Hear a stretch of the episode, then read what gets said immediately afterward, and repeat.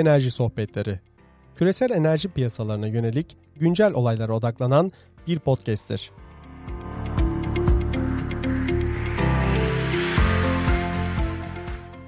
Merhabalar 27 Mart Cumartesi akşamından tekrardan sizlerleyiz. Barış abiyle birlikte bu hafta enerji sektöründeki önemli haberleri, gelişmeleri sizler için yorumluyor olacağız.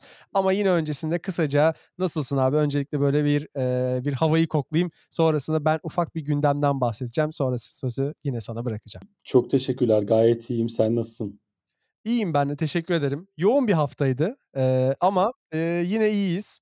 Eee, soğuklar geri başladı biraz daha bu hafta. Umarım hava düzelir. Bu pandeminin etkisiyle de daha da kötüye gitmez diyorum. Her şey güzel olmasını diliyorum abi. Senin için nasıl gidiyor hayat?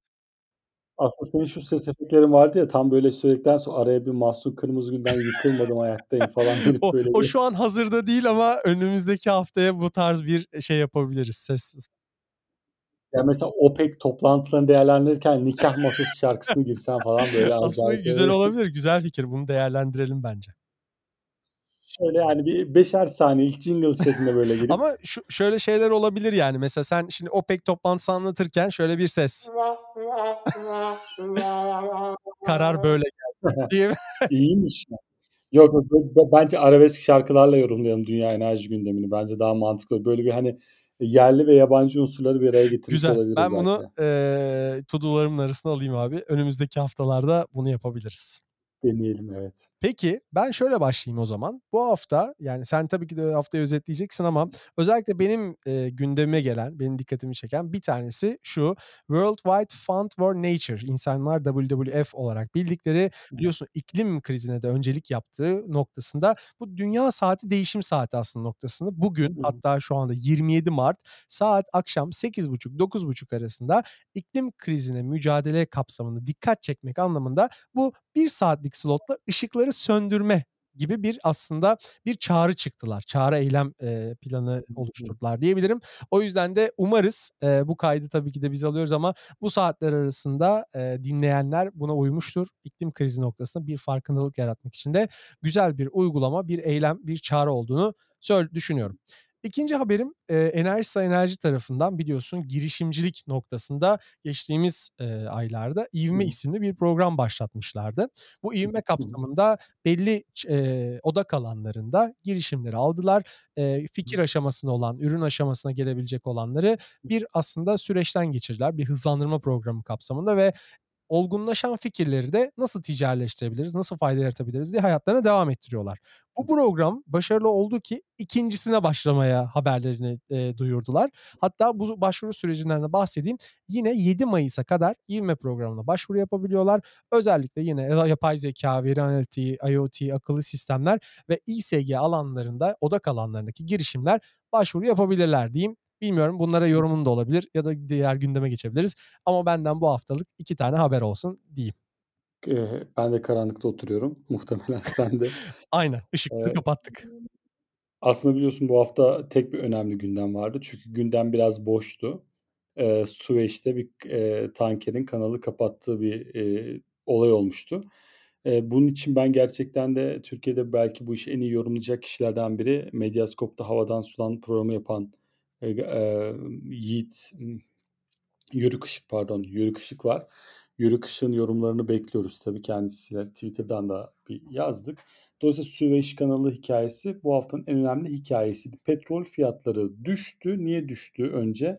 Brezilya ve dünyanın dört bir tarafında kapanma haberleriyle geldi. Şimdi Paskalya'ya giderken, eee, toplu kapatmalar yaşandı. Biliyorsun Merkel de kapatacağız dedi, sonra özür diledi falan. Ardından da tam da çarşamba günüydü yanılmıyorsam Süveyş kanalını Evergreen firmasının, eee, geminin ismi de farklı, eee, kapattı. Kapatma sebebi de, eee, söyledikleri kadarıyla kıyıya yanaştıkça oluşan dalgalardan dolayı dönüyor ve kumun üzerine çıkıyor. Ne kadar sürede bu işin çözüleceği şu anda herhâlde belli değil. Yarını bekliyorlar, yani pazar gününü bekliyorlar. Pazar günü acaba sular yükselip de gider mi diye. Ge bu haftanın gerçekten en önemli bence 1'inci olayı buydu. Bir diğer haber cuma akşam geldi. Amerika'nın biliyorsunuz daha önce söz vermişti. Bir iklim, eee, Major Economic Forum, iklim, enerji ve iklim alanında bunu topluyor. Burada 17 ülkeden söz ediyor emisyonu en yüksek. Türkiye'de 15 veya 16'ncı sırada. Bizden sonra Avustralya geliyor, ardından İngiltere geliyor veya işte tam Avustralya ile yaklaşık benzer durumdayız. Şimdi bu Biden yönetiminin yazdığı metni ben az önce bir kez daha okudum. Çünkü kelimeler çok önemli. Ee, özellikle Amerika'nın liderliğini yaptığı Major Ekonomiler Forumu diye başlıyor. E, fakat e, burada metnin içeriğine çok dikkat etmeye çalışıyorum ben neler yapılacağına dair. E, tekrar tekrar baktım. E, bir e, tabiri caizse bir et yok. Yani baktığımızda evet toplayacağız işte bunlar önemli şeyleri paylaşacağız işte şunları konuşacağız gibi gidiyor. E, bu ilginç bir durum. Şöyle bir şey hisse kapılıyorum ben. Özellikle iklim değişikliği konusunda yapılan, bastırılan, eee, amaçların pek çok ki Energy Wende'nin doğduğu yılları düşünürsen Çernobil'de 70'lerde falan o zaman bu, eee, çevrecilik akımının bayağı bir eti vardı. Yani sadece kemik değildi, bayağı da bir eti vardı. Sadece dünyayı kurtarmak değildi, aynı zamanda büyük şirketlere baş kaldırıydı. İşte özellikle Almanya gibi yerlerde. Bunun başka ülkeler niye tutmadığının çok net sebepleri var bence. Eee, özellikle bu da ilginç bir şekilde geliyor. Fakat, eee, bir türlü, ııı, yeniden progressive'lerin bunu doldurma girişiminde o et sistemin içinde yok. Yani, işte, eee, arttıracağız, insan eee, çevreyi koruyacağız, Paris'e uyacağız, şudur budur. Mesela ben ne beklerim, hani, böyle bir eleştiri yaptığında? Arkadaşlar tüm dünyada güneş kapasitelerini overbuild yapacağız. Ortak Ar-Ge faaliyetlerini arttıracağız diyelim ki, hani, ve ve Carbon Capture Storage'da, işte, diyelim ki ortak transatlantik hareket edeceğiz diye daha böyle işin o tarafını çözecek noktalara geliyoruz. Şimdi bir diğer taraftan kelimelerimi dikkatli seçeceğim çünkü bunu bir, eee, düşünsel fırtına olarak düşünüyorum. Yani bir beyin fırtınası olarak düşünüyorum. Eee, Avrupa Birliği, eee, ben de şu Avrupa Birliği bürokrasisine yanlış bir şey söylemeyeyim. Eee, Ursula von der Leyen Avrupa Komisyon Başkanı'yla, eee, Avrupa Yatırım Bankası Başkanı ortak bir makale yazdı Project Syndicate'e. Sohbet Karpuz paylaşmış. Ben de oradan okudum. Bu yeşil, eee, yeşil mutabakatın küresel yeşil mutabakata dönüşmesine dair ve okuduğunuz zaman gene et yok. Yani, işte, biz yapacağız, Avrupalıyız, başarılıyız, bunu dünyaya yayabiliriz, tüm dünyayı aslında bir küresel yeşil mutabakata alabiliriz diye. Şimdi burada birkaç sorun var ve bunlar özellikle ben yazıları bir kez daha okudum. Yani ne yapmak istiyorlar falan, yani ne yapmak istiyorlar diye. Eee, özellikle böyle, enerji demokrasi, enerji güvende bir de Bilkent'te bir enerji krizi dersi anlattığım için özellikle Amerika ve Avrupa'daki bu özel e enerji iklim, eee, tartışmalarına bir kısmına hâkim olduğunu düşündüğümden yeni seslerde bence o o şey yok, ııı, tokluk yok ve burada bir de, yeşil emperyalizmden söz etmemiz gerekebilecek bir durum olacak. Çünkü Avrupa daha başarılı olmadığı, sadece hedef açıkladığı yeşil mutabakatını küreselleştirmek istiyor. Bunu görüyoruz. Bunu Amerikalılara satmak istediler. Amerikalılar, işte, bizim Fed bilir dedi John Kerry geçtiğimiz haftalardaki toplantılarında. Çinliler yanaşmıyor. Özellikle çok büyük, işte, yapılan 24'ünde iklim zirvesi yapıyoruz Çin, Kanada falan diye. Oradan da bir soluk çıkmadı. Şimdi Avrupa Birliği 2'nci sınıf ülkelere aslında bu, işte, yeşil mutabakat, çok, işte, önemli falan diye. Ben bazen kelimelerin uğursuzluğu olduğunu da düşünmemiz gerektiğine inanıyorum. Bunlardan biri zero yani eğer bir politikanın başında sıfır varsa o sıfır çok büyük ihtimalle o politikayı, eee, uğursuzlaştırıyor. Olmuyor yani o iş bence. Bir diğeri de deal. İçinde deal kelimesi olan pek çok politika da başarısız oluyor. Ne başarılı olacak peki burada gördüğümüz kadarıyla? Eee, Kanada'nın ilginç bir kararı vardı. Eee, Kanada karbon vergisi konusunda bir karar almıştı. Bu da Kanada Anayasa Mahkemesi'ne gitmişti. 2030 yılında $170 bölü ton karbon vergisi belirlemişlerdi. Bu legal mi değil mi diye. Buna Anayasa Mahkemesi, Kanada Anayasa Mahkemesi legal böyle şeyler yapılabilir dedi.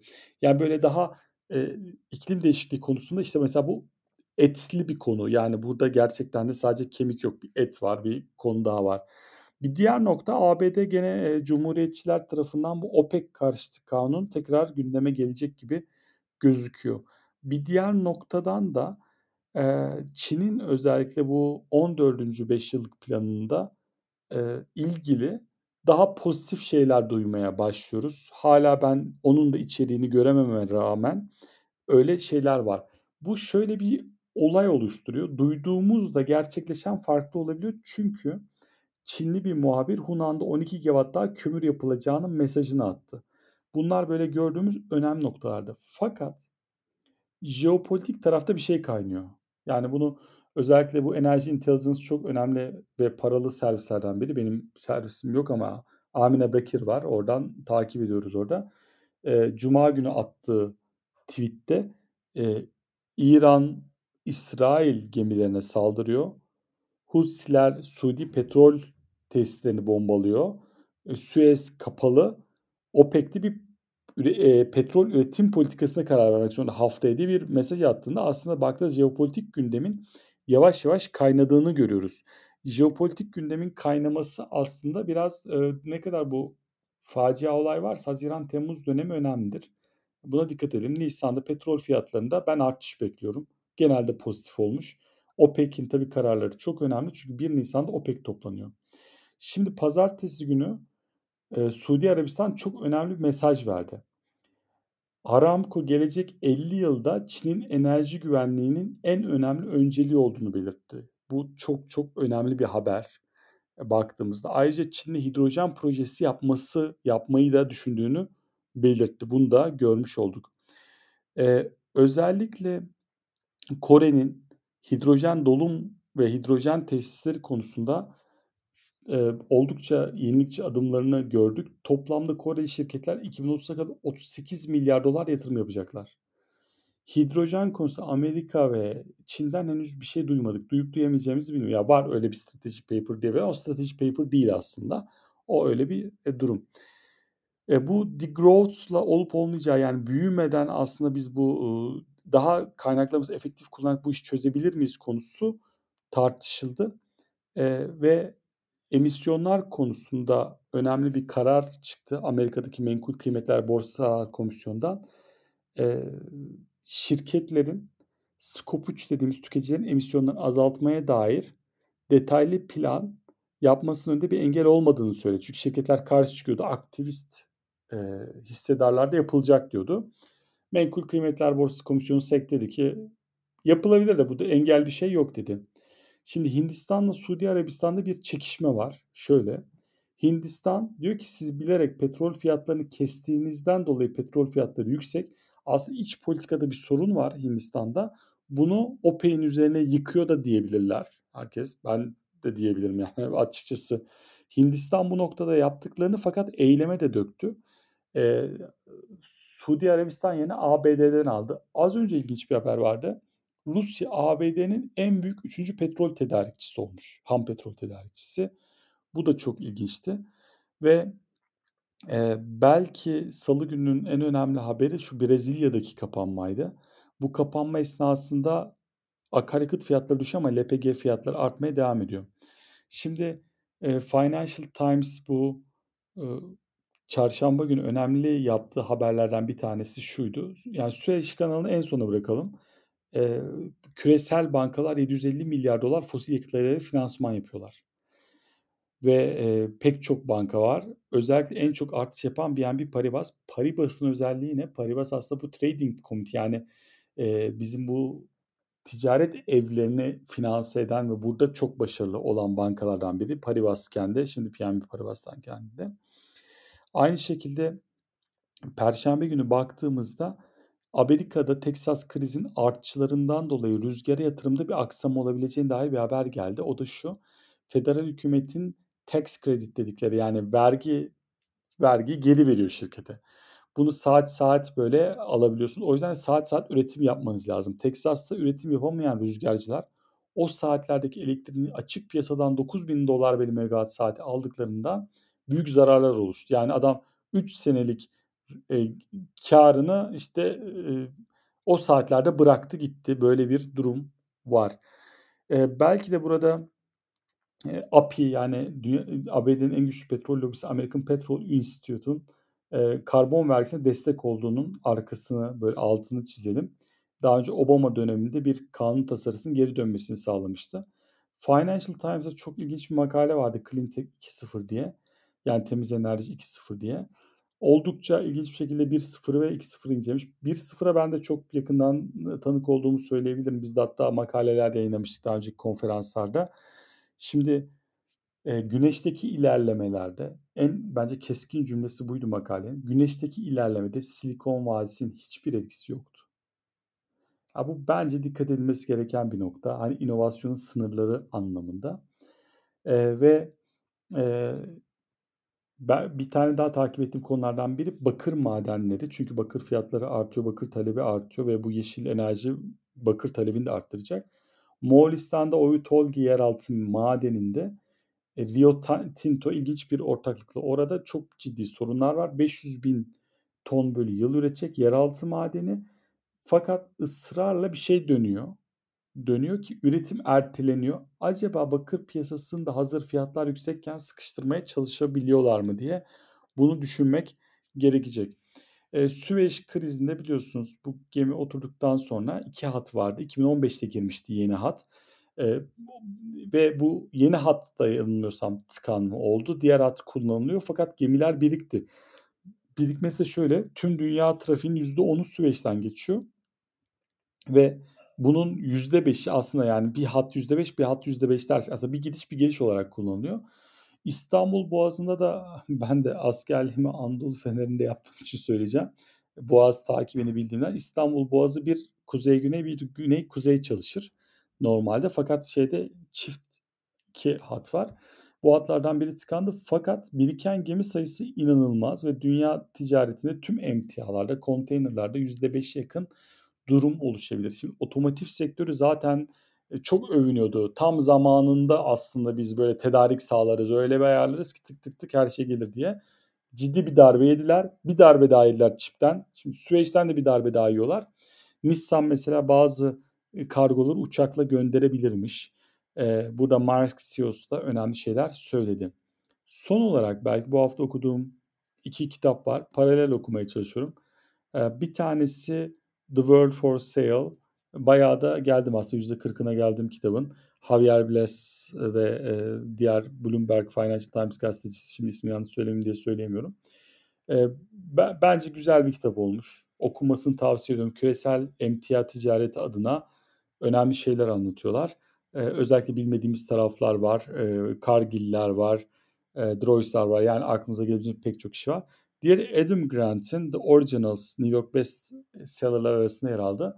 Mesela oradan Adam Grant'in çok orijinal anlattığı şeylerden biri işte girişimciyseniz her şeyinizi bırakıp o işe girmeyin diyor. Kendi e, destek verdiği gruplardan anlatıyor. Çünkü diyor her halükarda diyor girişimciler de risklerini kontrol etmek zorundadır gibi şeyler söylüyor. Umarım haftaya e, kitapların e, bir, birini bitiririm. E, onunla ilgili belki bir özet geçeriz. Biraz daha 10 dakika uzatabiliriz. Tümay. Abi ağzına sağlık. Yine büyük bir keyifle dinledim seni diyebilirim. Ee, ekleyeceğim bir şey yok ama istersen senin varsa onu alalım. Sonrasında da bu haftaya veda edelim eğer istersen. Benim de ekleyeceğim bir şey yok. Ee, teşekkür ediyorum. Ben teşekkür ederim. O zaman gelecek hafta yeni bir bölümle yine karşınızda olacağız diyelim. Hoşçakalın, kendinize iyi bakın. Hoşçakalın.